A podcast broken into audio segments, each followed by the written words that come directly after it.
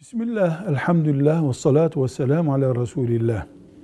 Kızın babası benim kızımı akrabam dışında kimseye vermem.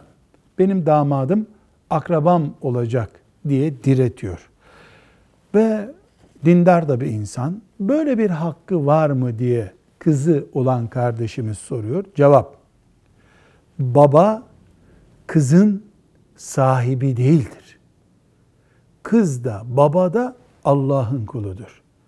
Ahlaklı ve dindar olana verin buyurmuştur Peygamber sallallahu aleyhi ve sellem Efendimiz.